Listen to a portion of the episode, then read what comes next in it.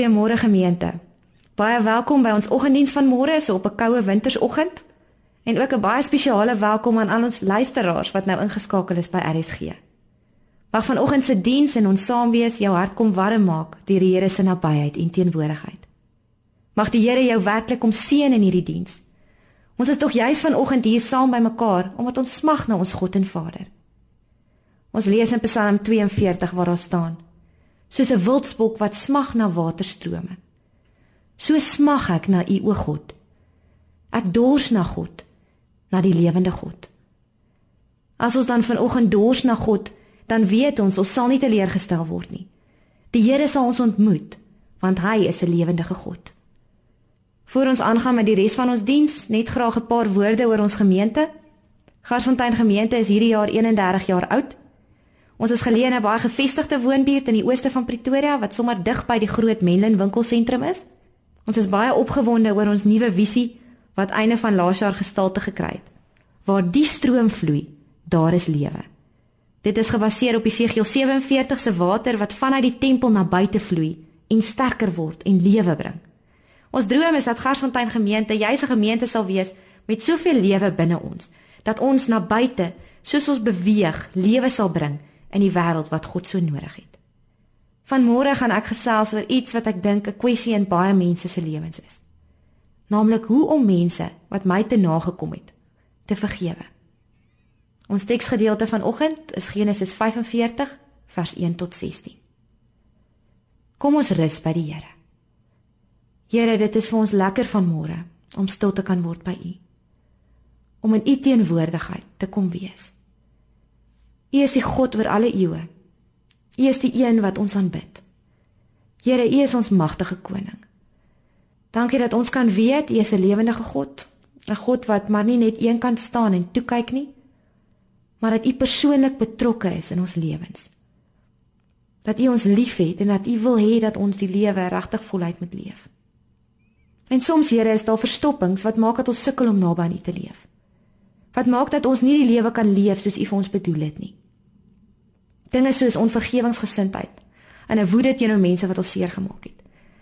Gee dat ons vanoggend u hart hier oor kom hoor. Dat omdat u ons so onverdiend vergewe, ons dit kan regkry om ander mense ook in ons lewens te vergewe. Wees by ons en kom praat deur u woord met ons. Amen. Liewe vriende in Christus, ek groet julle in die naam van die Vader en die Seun en die Heilige Gees. Die Here is hier om jou te ontmoet. Mag hy sy liefde in hierdie oomblikke oor jou uitstort en werklik naby aan jou wees. Kom ons sing saam 'n loflied tot eer van die Here.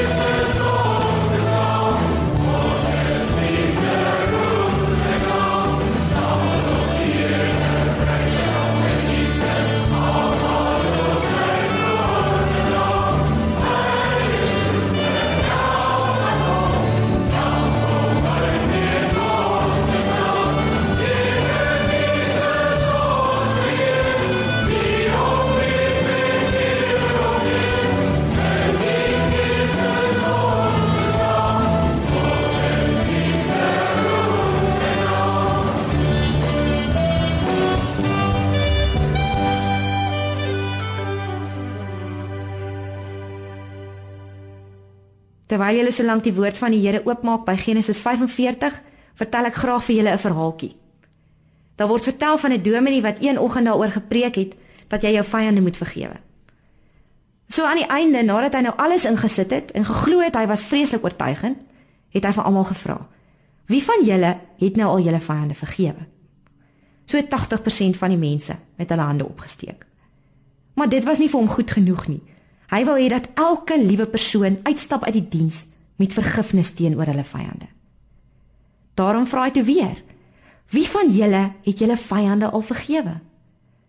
Die mense het so 'n bietjie druk beleef en almal steek toe maar hulle hande op, behalwe een ou tannetjie. Die dominee is nogal verbaas en hy vra: "Nou tannie, is jy nie bereid om jou vyande te vergewe nie?" "Nee, dominee, dis nie dit nie," antwoord sy. "Dis net dat ek nie enige vyande het nie," het sy soet geantwoord. "Tannie, maar dit is merkwaardig," sê hy. "Hoe oud is jy?" "89, dominee." Nou tannie, maar dan moet jy asseblief vorentoe kom en vir ons vertel hoe 'n persoon 89 jaar kan leef sonder om enige vyand in die wêreld te hê. Die tannie het stadig uitgekom en so skuifel skuifel voor in die kerk gaan staan, na die gemeente gekyk, haar oë op skreefies getrek en gesê: "Ek het ouer geword as elke liewe een van daardie mislike mense." Nou almal van ons sit maar met 'n vyand of twee. Of jy nou jonk is en of jy nou 89 jaar oud is. Of dalk sal jy sulke persone nie vyande noem nie, maar mense wat jy dalk te nagekom het. Mense wat jy sukkel om te vergewe. Ek wil hê jy moet gou daaraan dink. Daardie persoon by die werk wat dalk altyd lelik en kort af is met jou. Miskien die familielid of sogenaamde vriend wat altyd agteraf is. Iemand wat jy vertrou het en jou in die steek gelaat het. Of dalk is dit iemand wat jou afgedank het of jou gesteel het en daarmee weggekom het. Vyande is dikwels mense wat ons emosioneel skade berokken. Maar dit kan ook iemand wees wat jy dalk fisies seer gemaak het of jou steeds seermaak. Jy is dalk gemolesteer of aangerand. Iemand het dalk jou kind, jou man of jou vriend skade aangedoen. Of dit nou jou ouers is wat jou teleurgestel het toe jy jonk was, of iemand wat 'n geweer teen jou kop gehou het tydens 'n inbraak. Dis mense wat soms moeilik is om te vergewe. Dalk dink jy nie konstant aan daardie seer wat jy ervaar nie. Maar as jy hulle sien of as jy herinner word aan hulle, dan borrel daardie woede en afkeer sommer van hier binne af uit jou mense wat jou diep seer gemaak het. Seer maak wat jy nie verdien het nie, onregverdige seer kry. En dit wels gebeur dit dan dat jy dit nie uitgevee kry uit jou lewe uit nie. Jy kan dit nie vergeet nie. Jy kan maar net nie op 'n punt kom in jou lewe wat jy dit regtig kan laat gaan nie. Gedagtes van wraak kan dan ook dikwels by ons opkom. Om daardie persoon of persone terug te kry. Jy dink dalk as jy net daardie persoon in die hande kon kry, dan sal hy les op sê. As jy nie die geleentheid kon kry om daardie persoon ook die seer kry te laat voel wat jy beleef het. Miskien weet jy presies waarvan ek praat. En dis dan wanneer mens voor 'n keuse staan. Wil jy die res van jou lewe dit met jou saamdra? Die pyn met jou saamneem wat jy in die eerste plek nie verdien het nie? Of wil jy vrygemaak word van daardie gedagtes en gevoelens? Wil jy gesond gemaak word, heel gemaak word sodat jy kan aangaan in jou lewe sonder konstante terugflitsse van wat aan jou gedoen is. Want daar is 'n manier om vrygemaak te word. Die Here noem dit vergifnis. Don McMahon het gesê: "Wanneer jy 'n persoon vergewe wat jou te nagekom het, laat jy 'n gevangene vry, net om te besef dat die gevangene wat jy vrygestel het, eintlik jouself is." Is dit nie mooi nie? Dat ons baie keer onsself gevangenes hou van hierdie onvergewensgesindheid. As ons mense nie kan vergewe nie, dan loop daardie persoon dikwels rond totaal onbewus van wat hy of sy aan jou gedoen het. Hulle gaan aan met hulle lewens, maar die haat en die bitterheid en die woede binne onsself maak dat ons as gevangenes steeds as gevangenes bly van ons eie onvergewingsgesindheid. Daardie persoon is nie vasgeketting nie, maar ons bind onsself vas met kettinge wat ons versmoor. Ons lees in die Bybel van iemand wat fisies in die tronk was. Iemand wat nie toegelaat het dat dit wat teenoor hom gedoen is, gemaak het dat hy 'n gevangene was van sy eie kwaadwees en woede nie. Ons lees van hierdie man in Genesis. Sy naam was Josef. Ek glo julle ken almal die verhaal van Josef. Josef wat een van 11 kinders was, waarvan hy sy pa se gunsteling was, sy pa se witbroodjie. En al die ander broers het dit baie goed geweet. Hy so voorgetrek dat hy begin grootkop kry het. Toe hy 17 jaar oud was, het sy pa vir hom 'n pragtige en 'n kosbare kleed gemaak terwyl sy broers net mooi niks gekry het nie. Maar dit was nie al nie. Josef het drome gedroom. Drome waarin sy broers voor hom buig en hy het heel lekker hierdie drome aan hulle oorvertel. So jy kan dink dat sy broers redelik kwaad begin raak het. Dalk weet jy baie goed waarvan ek praat. Miskien het jy self beleef hoe een van jou broers of susters voorgetrek is. Miskien het jy self in daardie tye oorweeg om hom of haar te verkoop. Ek hoop daarom nie so nie. Maar so erg soos wat dit is, het Josef se broers dit gedoen. Hulle het eers beplan om hom dood te maak, maar toe eerder in 'n put gegooi. Die ou einde het hulle hom as 'n slaaf verkoop aan Midianiete wat hom na Egipte toe gevat het. Daar het Josef se storie nog meer interessant geraak. Potifar vir wie Josef gewerk het, se vrou kon haar hande nie van hom afhou nie. Om 'n lang storie kort te maak, word Josef in die tronk gegooi. Maar die Here was die hele tyd by Josef. Josef het daar begin drome uitlê en het so populêr geraak by die farao dat hy op die ou einde farao se hoofman geword het. Hy het alles vir die farao bestuur. Veral in die tyd van 7 jaar lange droogte wat Josef deur die uitleg van een van farao se drome self voorspel het gaan gebeur. Maar die groot draai van hierdie storie gebeur tydens die tweede jaar van hierdie groot hongersnood. Daar daag by Josef 10 manne op wat graan wil koop. Josef se broers. Maar sy broers weet nog nie dis hy nie. Josef stuur hulle eers om hulle broer Benjamin te gaan haal en dan weet ons hy plant in Benjamin se graansak sy silwerbeker. Toe hulle hulle sakke deursoek, kry hulle by Benjamin, Josef se geliefde broer, en Jakob hulle pa se liefste seun hierdie beker. Volgens ooreenkoms moet die een by wie die beker gekry word agterbly as Josef se slaaf. Maar dan lees ons in hoofstuk 45 hoe hierdie storie afspeel. Julle kan julle Bybel saam met my oopmaak, Genesis 45 vers 1 tot 16. Kom ons lees dit saam. Josef kon homself nie langer bedwing voor die mense wat hom bedien het nie. Hy het hulle almal beveel om van hom af weg te gaan En daar was van die wat hom gedien het, nie een by hom toe hy hom aan sy broers bekend gemaak het nie. Hy het so hard gehuil dat die Egiptenaars en die mense in die farao se paleis dit gehoor het. Toe sê Josef vir sy broers: "Ek is Josef. Leef pa werklik nog?" Sy broers kon hom nie antwoord nie. Hulle was te bang vir hom. Maar hy het vir hulle gesê: "Kom na my toe." En toe hulle nader kom, sê hy: "Ek is julle broer Josef." Julle het my verkoop en ek is Egipte toe gebring. Maar julle moet nou nie sleg voel of bang wees omdat julle my verkoop het nie, want God het my voor julle uitgestuur om lewens te red. Dit is nou maar die tweede jaar van hongersnood in die land. Daar lê nog 5 jaar voor waarin daar nie geploeg of geoes sal word nie. God het my voor julle uitgestuur om vir julle oorblyfsel in hierdie land te laat oorbly, om julle aan die lewe te hou en sodat baie aan die dood sal ontkom. Dis nie julle wat my hierheen gestuur het nie, maar God. Hy het my laat aanstel as die farao se raadgewer en as bevelhebber oor sy huis en as regerder oor die hele Egipte. Gaan dadelik na Pa toe en sê vir hom: So sê Pa se seun Josef: God het my aangestel as regerder oor die hele Egipte. Kom na my toe. Moenie talm nie. Kom bly in die Gosenstreek. Dan is Pa naby my. Pa en Pa se seuns en kleinseuns, die kleinvee en grootvee en alles wat Pa besit. Ek sal vir pa daar onderhou, want daar lê nog 5 jaar hongersnood voor. So sal pa nie verarm nie. Pa en pa se familie en almal by pa. Julle sien self en my broer Benjamin sien dit ook. Dis ek wat met julle praat. Julle moet vir pa vertel van al my mag hier in Egipte en van alles wat julle gesien het. Maak gou en bring vir pa hierheen. Toe omhels Josef sy broer Benjamin en hy huil. Ook Benjamin het op sy broer se skouers gaan staan en huil. Josef het al sy broers gesoen en daarby hulle gestaan en huil. Eers daarna het sy broers met hom begin praat. Die mense het dit in die farao se paleis gehoor en gesê: "Josef se broers het gekom." Ek wonder of ek self na soveel jare so maklik my broers sou kon vergewe. Hulle wat my verkoop het dat ek as 'n slaaf werk en selfs in die tronk beland het. Maar kan jy glo Josef kry dit reg? Hy het dit reg gekry om al die jare se seer kry eenkant toe te skuif en te sê: "Al het julle my verkoop, moenie sleg voel nie. Moenie bang wees nie." Hy is intedeel bly om hulle te sien. Josef kry die perfekte geleentheid om wraak te neem. Hy kry die geleentheid om vir sy broers te sê: "Julle wou mos. Nou dat julle my nodig het, gaan ek julle laat les op sê." Want die bordjies kan mens sien is verhang. Josef is nou in beheer en hy het hierdie mag. Maar wonder bewonder kry Josef dit reg om sy broers te vergewe. Ek het baie gesit en dink oor wat Josef se verhaal van vergifnis vir my beteken.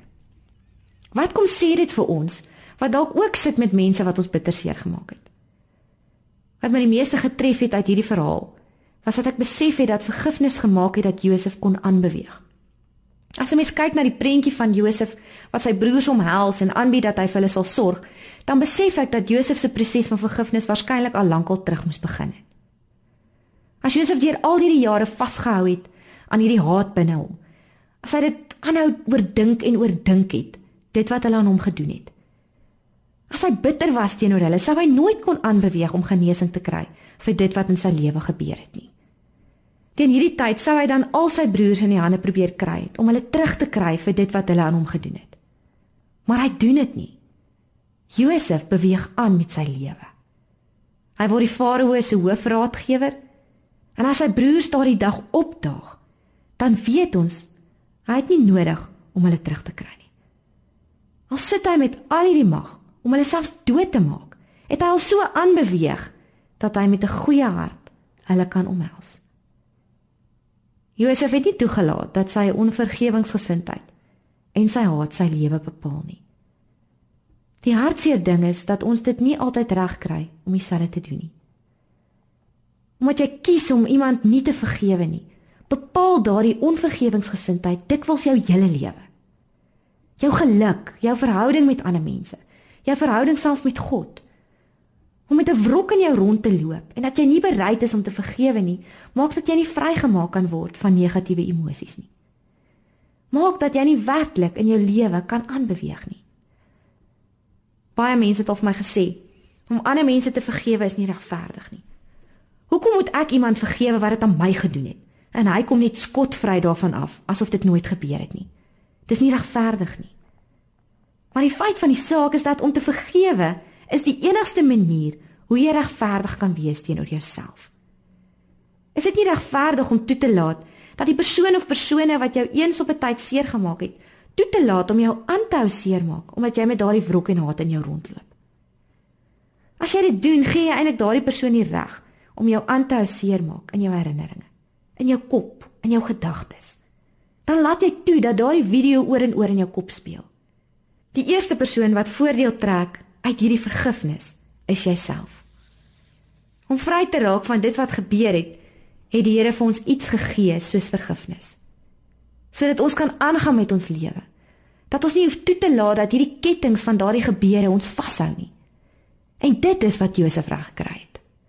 Hy het dit reg gekry om aan te gaan omdat hy hom kon losmaak van dit wat gebeur het en sy broers vergewe het. Maar wat Josef se storie van vergifnis soveel te meer ongelooflik maak, is omdat Josef iets reg gekry het wat nie baie van ons reg kry nie. Josef het sy broers kon vergewe sonder dat hulle eers vir hom jammer gesê het. Ons sien nêrens dat hulle vir hom jammer sê en smeek om vergifnis nie. Ons sien nie dat Josef nadat hulle eers vergifnis gevra het sê, "Oké, okay, ek sien. Julle is regtig jammer en daarom sal ek julle vergewe nie." Die storie sou dalk meer sin gemaak het as die broers op hulle knieë gegaan het. As hulle gesmeek het om vergifnis en gevra het vir 'n tweede kans. Maar dit gebeur nie. Josef vergewe hulle sonder dat hulle al jammerte oor wat gebeur het voor Josef se voete kom neersit. Ek dink as daar een ding is wat dit moeilik maak om ander te vergewe, is dit juist dit. As mense nie vir jou jammer sê nie. Dalk is dit iemand wat iets teen jou gedoen het sonder om te besef dat hulle jou seer gemaak het. Dalk is dit kriminele wat jou seer gemaak het, jou goed gevat het. Iemand naby aan jou doodgemaak het wat jy nooit weer sal sien nie. Dalk is dit iemand wat reeds dood is voordat hulle ooit jou vergifnis kon vra. Of dalk is dit 'n persoon wat jy weet nooit berou gaan hê oor dit wat aan jou gedoen is nie. Of nie oor die kapasiteit beskik om te besef dat hy verkeerd was nie. Om nie te vergewe nie.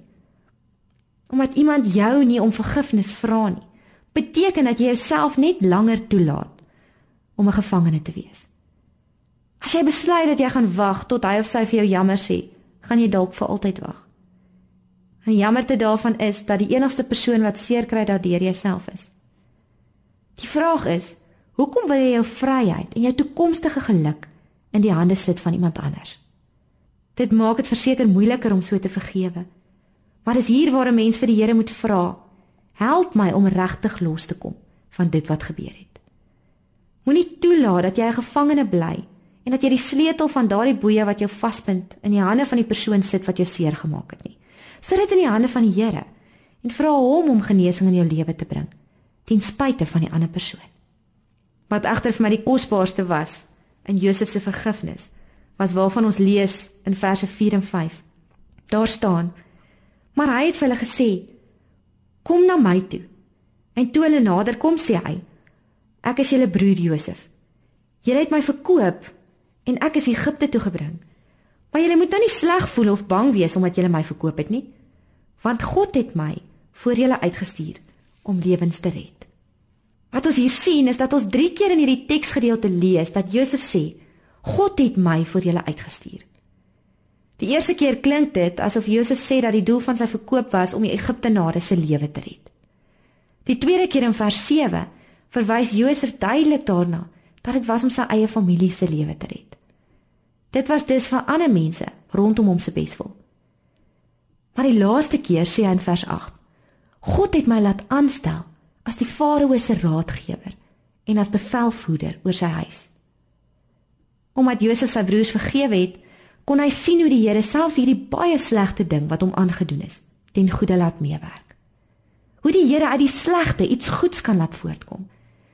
Die Here het Josef se verkoping as slaaf op die ou einde gebruik om by die farao uit te kom. Sodoende kon hy deur sy uitleg van farao se drome ter duisende mense se lewens red in die hongersnood. So ook sy broers se. Maar selfs vir Josef persoonlik het die Here kom seën en hom 'n belangrike man gemaak. Selfs op 'n persoonlike vlak het God hierdie seer in sy lewe ten goeie laat meewerk. As ons mense kan vergewe vir dit wat hulle aan ons gedoen het, kan ons begin raak sien hoe die Here selfs daardie seer kry in ons lewens vir ons ten goeie laat meewerk. As jy met bitterheid in jou rondloop, dan kyk jy net vas in die slegte van wat aan jou gedoen is. Maar as ons vergewe, maak ons ons harte oop om te sien wat die Here uit daardie slegte situasie kan voortbring. Want dis dan juis wat hy vir ons beloof in Romeine 8 vers 28. Die Here laat alles ten goeie meewerk vir die wat hom liefhet. Dalk sien jy hoe daardie vriendin wat jou seer gemaak het, jou die geleentheid gegee het om ander beter vriende te maak. Hoe die Here die misbruik wat jy deurgemaak het, gebruik om 'n sterker mens te wees.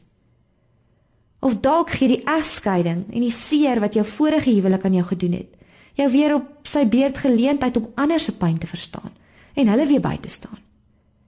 Wat dit ook al is wat in jou lewe gebeur het, vra vir die Here om jou te help om te vergewe, sodat jy die goeie kan raak sien.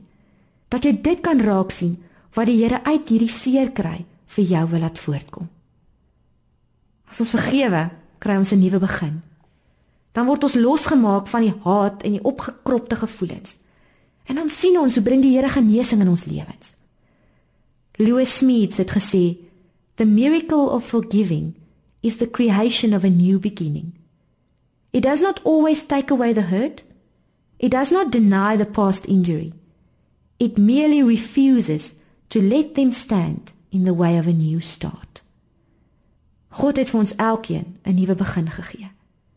Hy is die een wat ten spyte van die seer, van die sonde wat ons teenoor hom doen, ons vergewe. Hy is bereid om ons skoon te was en ons oortredings teenoor hom uit te vee. As ons besef wat hy vir ons gedoen het, kan ons mos nie anders as om ander ook so te vergewe nie.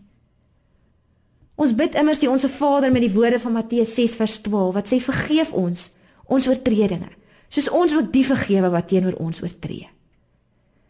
God se vergifnis teenoor ons en ons vergifnis van ander loop hand aan hand. Miskien is dit in jou lewe nodig dat jy vandag daardie besluit neem om aan te gaan.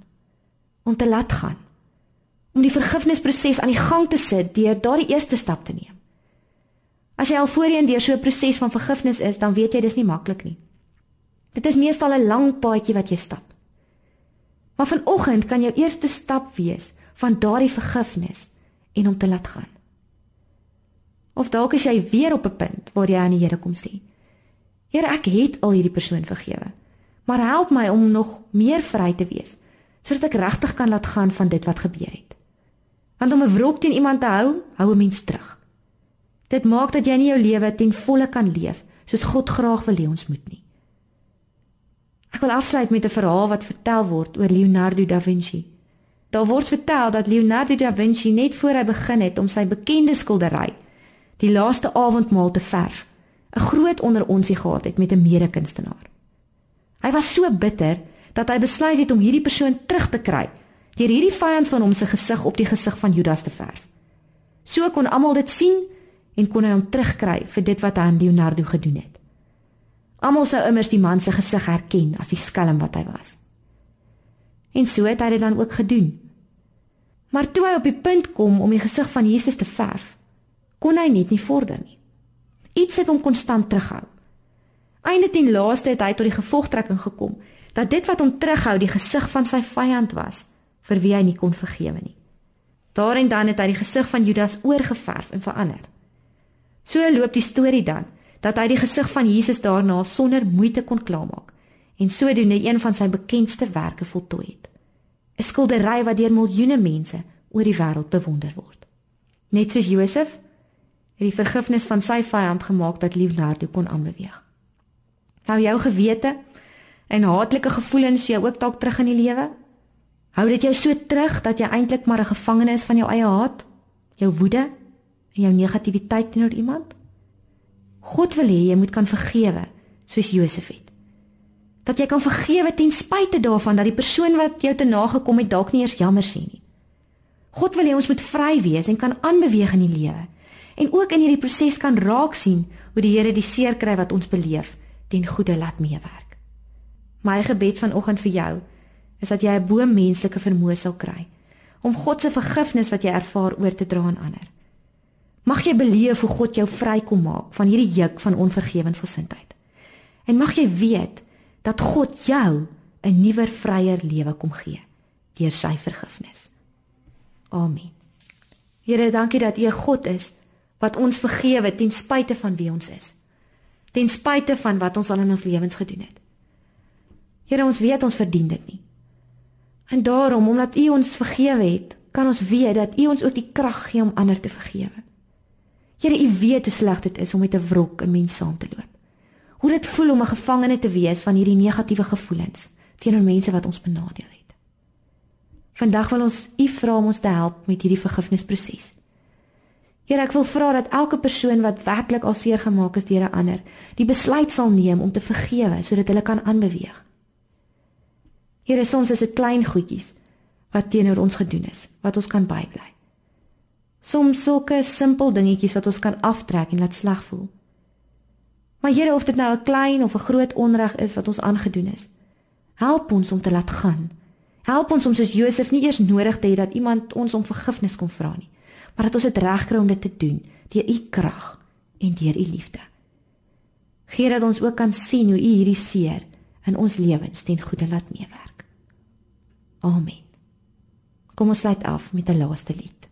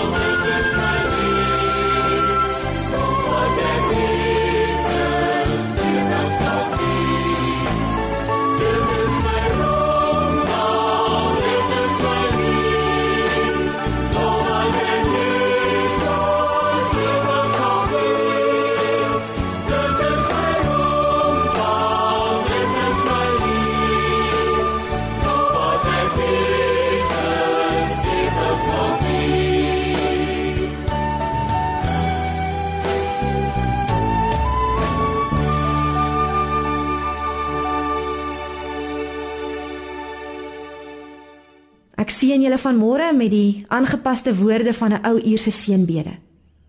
Mag die pad vorentoe saam met jou styg. Mag die wind agter jou rug wees. Mag die son jou gesig koesterend bestraal. Mag die reën saggies op jou velde neerdal. En mag God jou in die holte van sy hand hou. Amen.